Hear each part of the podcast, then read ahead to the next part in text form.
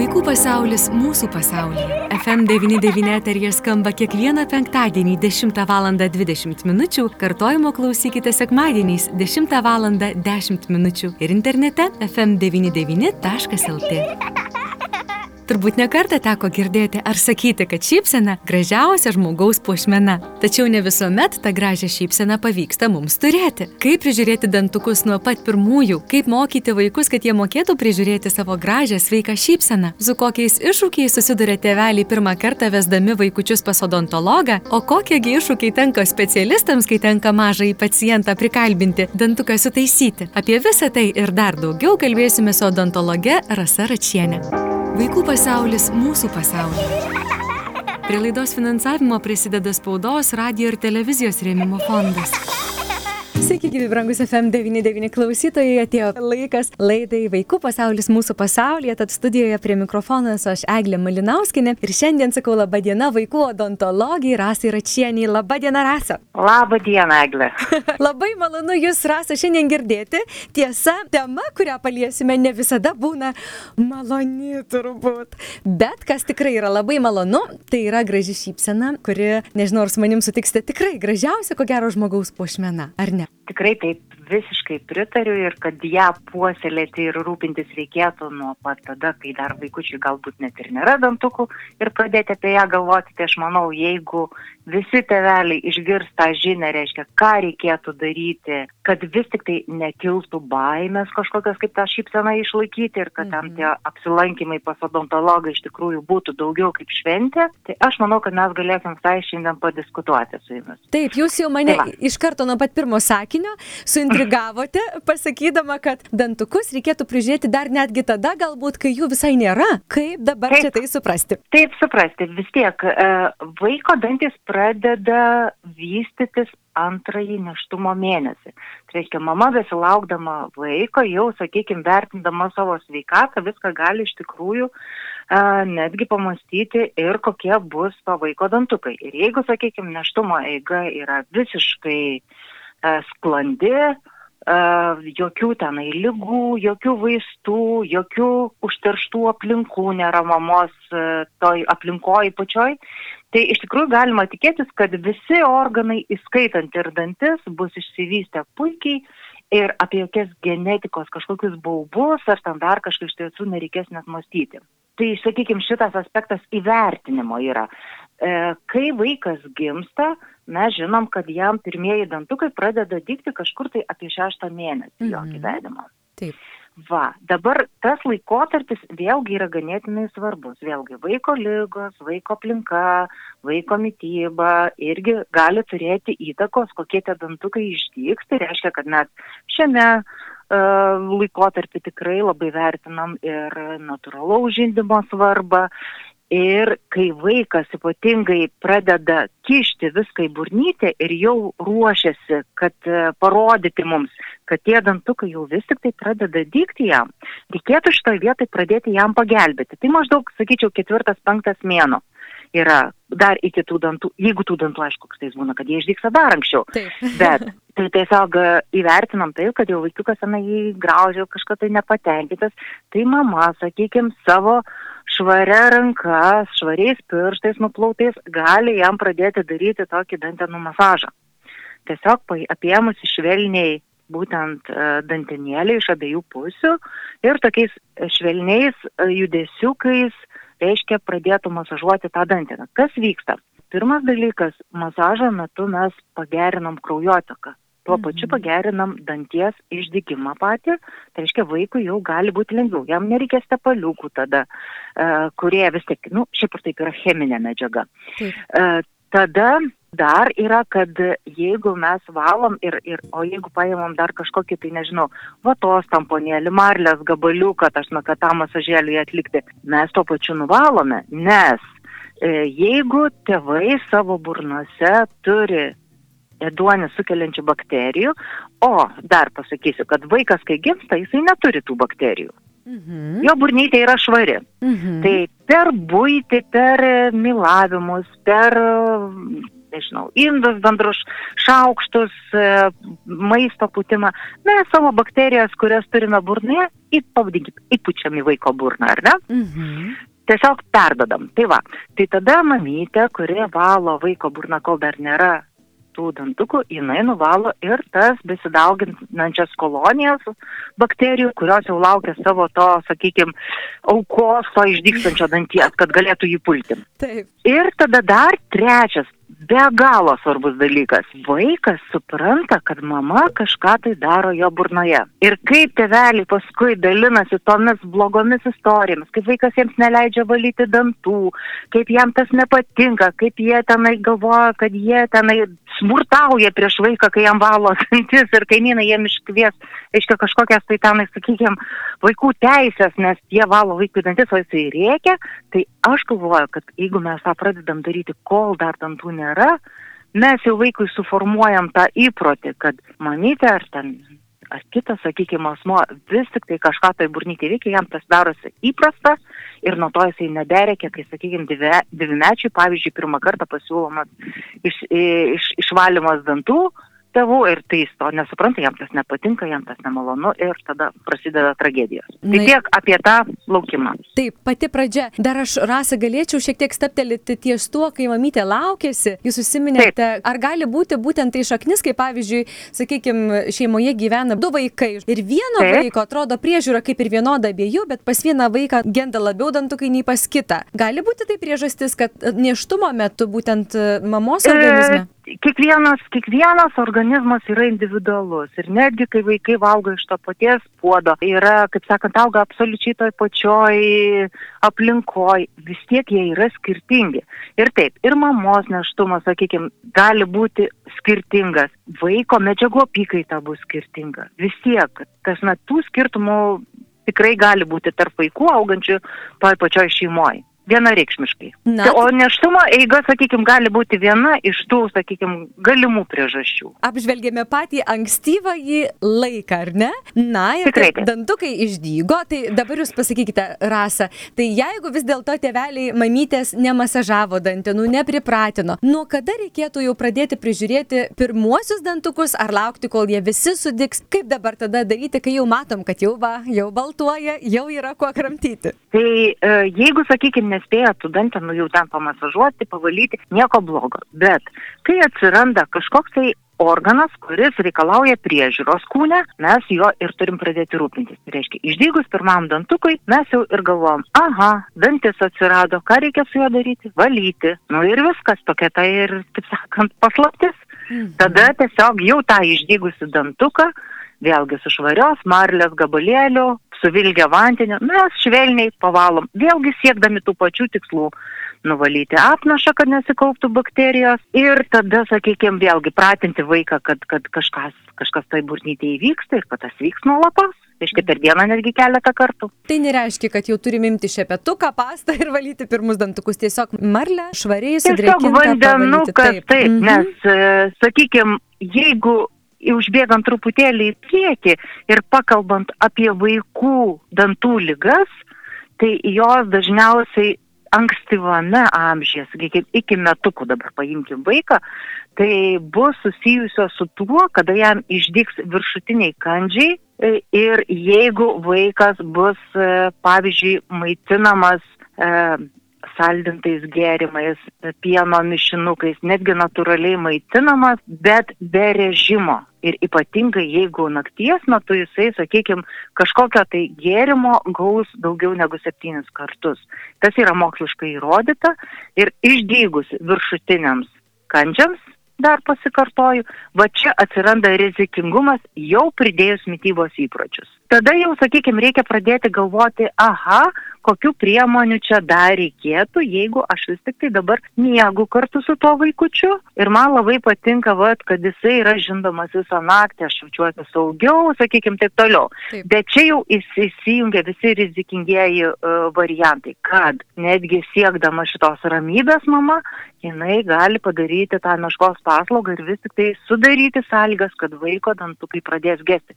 Ir, taip sakant, tegul meta į mane, į mane akmenys visi natūralaus žindimo gynėjai, aš irgi esu už natūralų žindimą, bet iki proto ribos.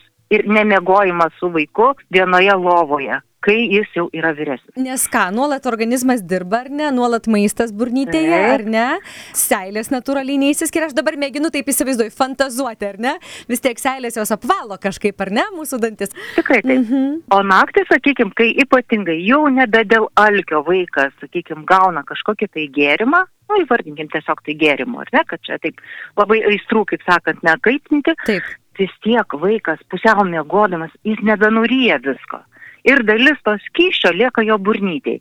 Ką jisai tada daro? Ar tai žindukas, ar mamos krūtis, vaikas tengiasi jo nepaleisti, jiems jam yra malonu. Ir tada liežuvėlį jisai prispaudžia prie gomuriuko visą tą, sakykime, nu, žinduką, mamos krūties tanelį ir tada ta dalis e, likusio skyščio susikaupia būtent toj viršutiniai daly, aplink tos viršutinius skandžius, dėl ko aš juos ir paminėjau ir jie tada mirksta tame skystėje. Tai įsivaizduokite, jeigu ten yra cukraus. Jeigu tai yra pieno mišinukas, pavyzdžiui, į kurio sudėti, nu, įdeda tiesiog, kad vaikui būtų skaniau to cukraus. O jeigu tai yra arbata, O jeigu tai yra sultis, tai visai tragedija. Na, aš paminu ir, ir pažįstu žmonių, vyresnio amžiaus žmonių, kurie, pavyzdžiui, naktį kūdikiams duodavo vandens su cukrum, tiesiog saldinto vandens. Ir... Tai čia tragedija, tragedija dantims yra. Taip, taip, taip. taip. Nes e, jeigu mes, e, vėlgi, kaip mes traktuojam tada tą vat, atsigerimą mytybą, troškulys, alkis ar, ar psichologinis poreikis. Ir kai viskas labiau susiveda į tai, kad Na, nu, vaikas nemiega, nu čia dar kažkas, tai dėl ko jis nemiega, dėl to, kad alkanas, nu pamaitinkim jį, ar ne? Jis pasirodo, ne, jam tiesiog šiaip kažko tai negerą gyvenimą, vais nori rėkti. Mhm. Nu ir kas mhm. tada yra labai paprasta tada užkišti vaiką kažkuo tai reiškia skaniu. Mhm. Ir mes, sakykime, susinervinę, ką darom? Nu, neretai einam ir išsitraukiam tą užsleptą šokolado plitelį ir ją sužiaumojam. Arba ledų sukertam porciją nes mums tada pasidaro liktai geriau. Tai bet mhm. šitaip mes tada, sakykime, nuo pat mažiuko vaiko galime jau pradėti auklėti jį būtent šitaip, kad yra kažkoks skanus daiktas. O jeigu vaikui dabar oferskim vėl viską, jeigu mes vis tik tai jam neduosime, aš tikrai žinau ne vieną jauną porą, kurie tiksliai laikosi tos rekomendacijos, iki dviejų metų vaikui visiškai nesaldinti maisto. Žinokit, tie vaikai užauga sveiki, jie tikrai nėra nelaimingesni, jie nėra kažkokie kitokie, jie tiesiog yra sveikesni. Ir dantys. Ir jiems tas netgi, jūs, jų dantis tikrai yra pasakiškai gražus, dažniausiai nemačiau nei vieno, kuris sakytų, kad vat, darė šitą ir vis tik tai dantys sugedo. Nu ne.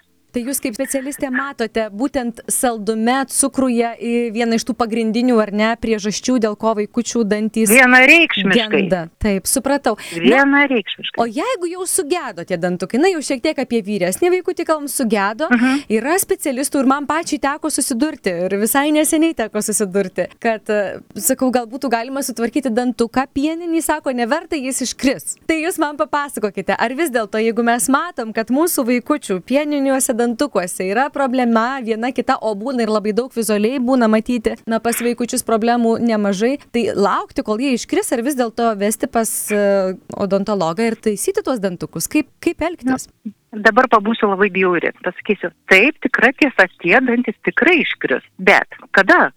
Klausimas.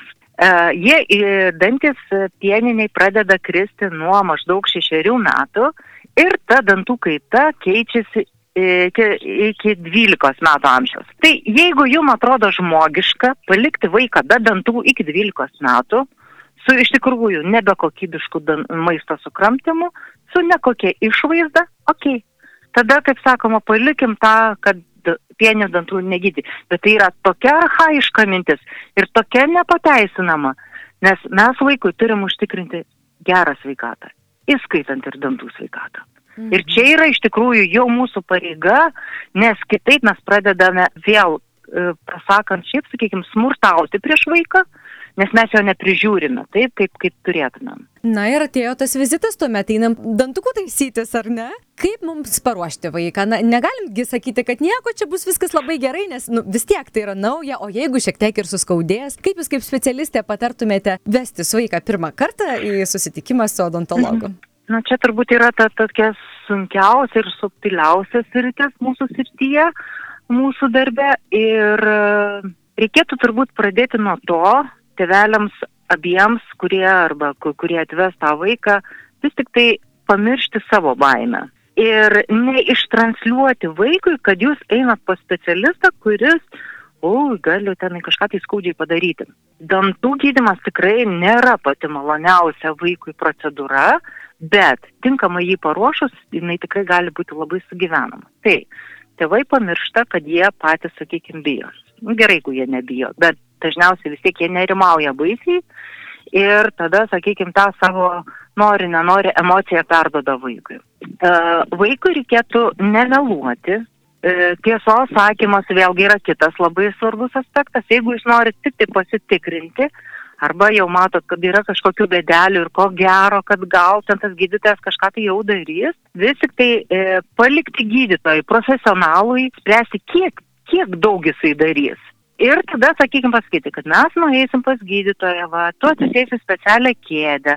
Jeigu tai mažesnis vaikas, galbūt tai, va, aš tave paimsiu ant kelių ten toj kėdėjai. Va, tada gydytojas turės įvairius ten instrumentų, kuriais apžiūrės tau burnytę. Ir tam pasirašymui skirti tiek, kiek matot, kiek vaikui reikia laiko savaitę, dvi mėnesius, du mėnesius. Tas manis tikrai vaikai yra skirtingi. Žiūrėkit YouTube filmukus, kaip teigiamus be abejo apie apsilankimus, apie pasiruošimą pas gydytoją odontologą.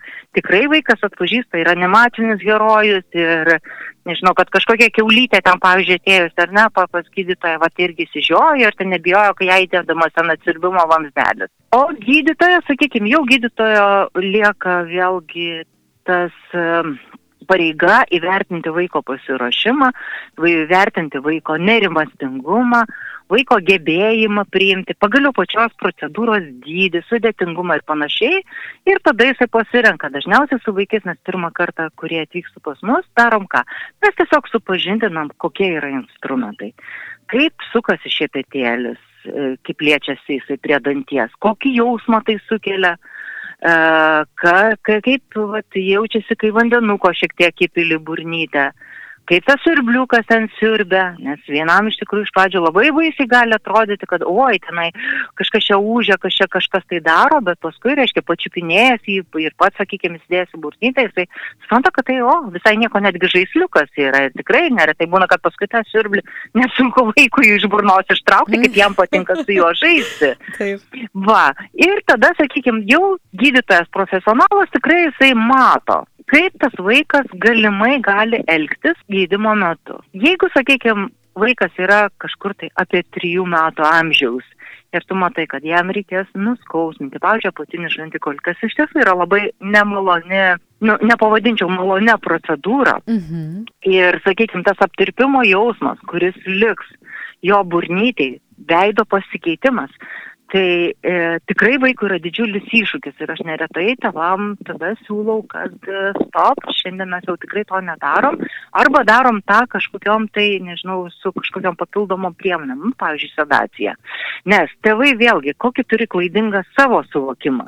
Ir tą norėčiau dabar vat ištranšiuoti. Mhm. Jiems atrodo, kad e, vaikas yra mažas suaugęs ir jisai prims lygiai taip pat. O čia pakentėsi dabar, kol suleis vaistukus ir paskui tau nebeskaudės stop. Bet šitoj vietoje atsiranda netiesa. Vaikui atsiranda pakitęs veidukas. Jis to nesupranta. Jis tą priima kaip sugadinimą veido, kaip uh, netgi skausmą, kitam gali paniką sukelti. Mhm. Ir jisai nesupras, kad čia tas pakitimas yra dėl to, kad jam grėžiant danties neskaudės. Vaiko psichologija nėra tokia tėvams spausti vaiką savo iškentėti iš karto, sakykime, tą nuskausminimą, tai nu, nelabai. Sakykime, jeigu matai, kad vaikas labai drasus, jam, sakykime, jau tikrai gerokai virš trijų metų amžiaus yra, kai jis jau gali priimti procedūrą, tada mes paaiškinam jau gydytojai patys, ar ne, kad vat vis tik tai taip, mes gydydami suleisime vaistų, bet neretai mes sakome, mes užmigdysim dantuką. Tiesiog tu jausi išsipūtusią pagalvėlę, kuri paskui pati subliūkš, pati praeis, va, bet kol dantukai negos, mes tik tokiu būdu galėsim ten tos mikrobus, sakykime, ištraukti iš to danties. Mhm. Tai va, mhm. tada vaikas, sakykime, jau jam suprantamai žodžiais, suvokdamas tą situaciją, galbūt jis elgsis ir adekvačiai. Bet gali irgi būti visokiausių tų variantų. Tiesiog apibendrintimo sakyčiau, kad negazdinkit vaikų odontologais, paruoškite juos nemeluodami, kad reikės apžiūros, o paskui visą kitą palikit gydytojui spręsti. Mhm, na, tikrai. Ką jisai jau pasiruoš daryti? Iš tikrųjų, gali būti tokių atvejų, kad jei tu nevalysi dantų, tai vesiu tave pas ten, kaip mes taip, sakom, dantistą ir tada tau gre, o paskui, kai reikia o vesti, tai, prasideda taip, problemos. Taip, taip, mhm. o kiek mes atsiklausome, o kad tu žinotum, mano vaikais, kaip tam buvo. Tai čia yra kultinė klasikinė frazė, girdima mm. iš tėvų.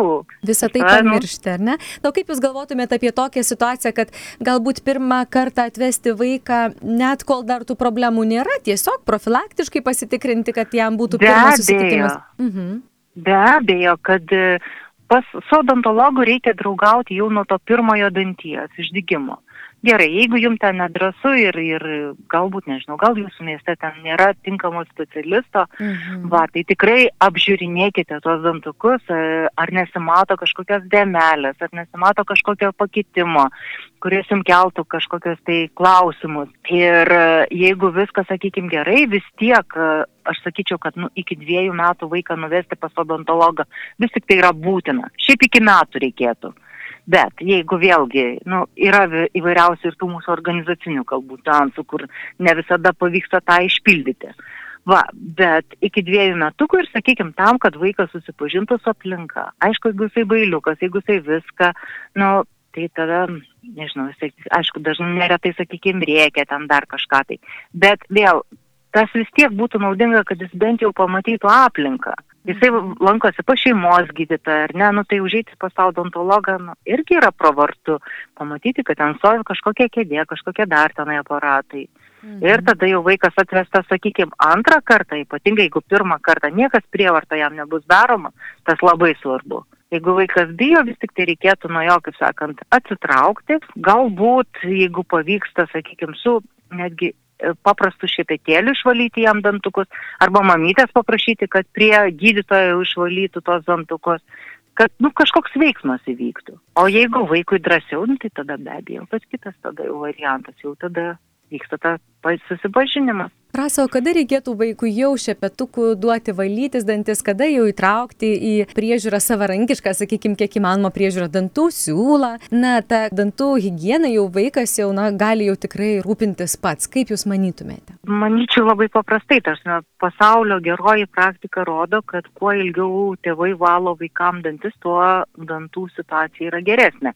Tai skandinavai valo vaikams iki 12 metų dantis.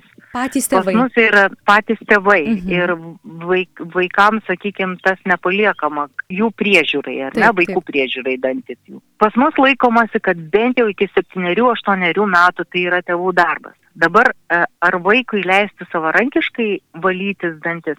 Be abejo, kad taip, bet e, įvertinant, kad vis tiek po jo savarankiško išsivalymo tėvai tuos du kartus per dieną pervalys dantis, bent jau kol jisai pradės eiti į mokyklą. Dar būdavo tas momentas, kol tipo išmoks rašyti vaikas. Na dabar vaikai spausdina, ne? Taip, taip. Tai ta motorika kitokia vystosi. Ir gal tos e, rekomendacijos dabar pasikeis su tom visom naujosiomis mūsų alfa ir visomis kartomis, reiškia, augančiomis. Bet vis tiek, sakykime, iki, aš tai skaičiau, iki aštuonerių metų čia turėtų būti tevelių darbas, kartu įtraukiant vaikus, kad jie ir patys valytųsi, bet paskutinį tą pervalymą padarytų tėvai.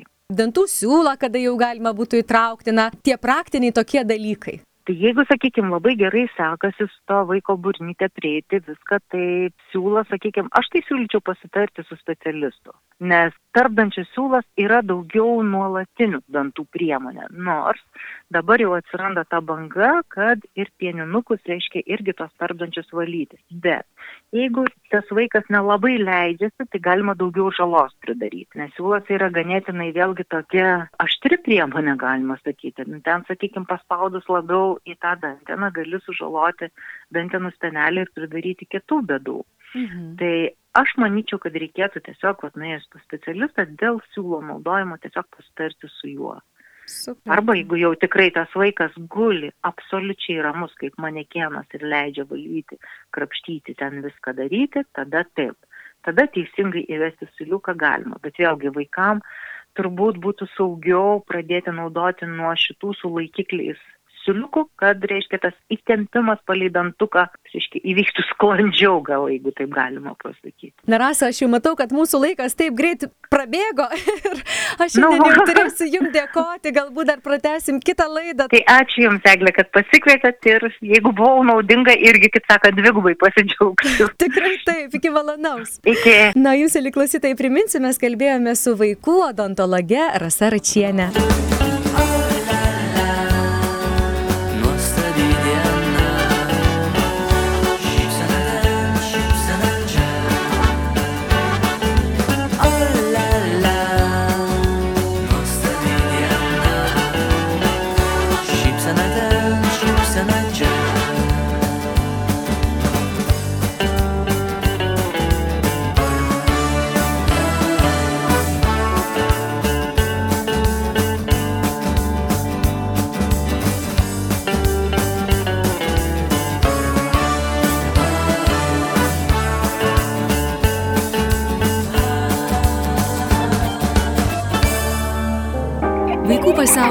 Mūsų pasaulyje. Prie laidos finansavimo prisideda spaudos, radio ir televizijos rėmimo fondas.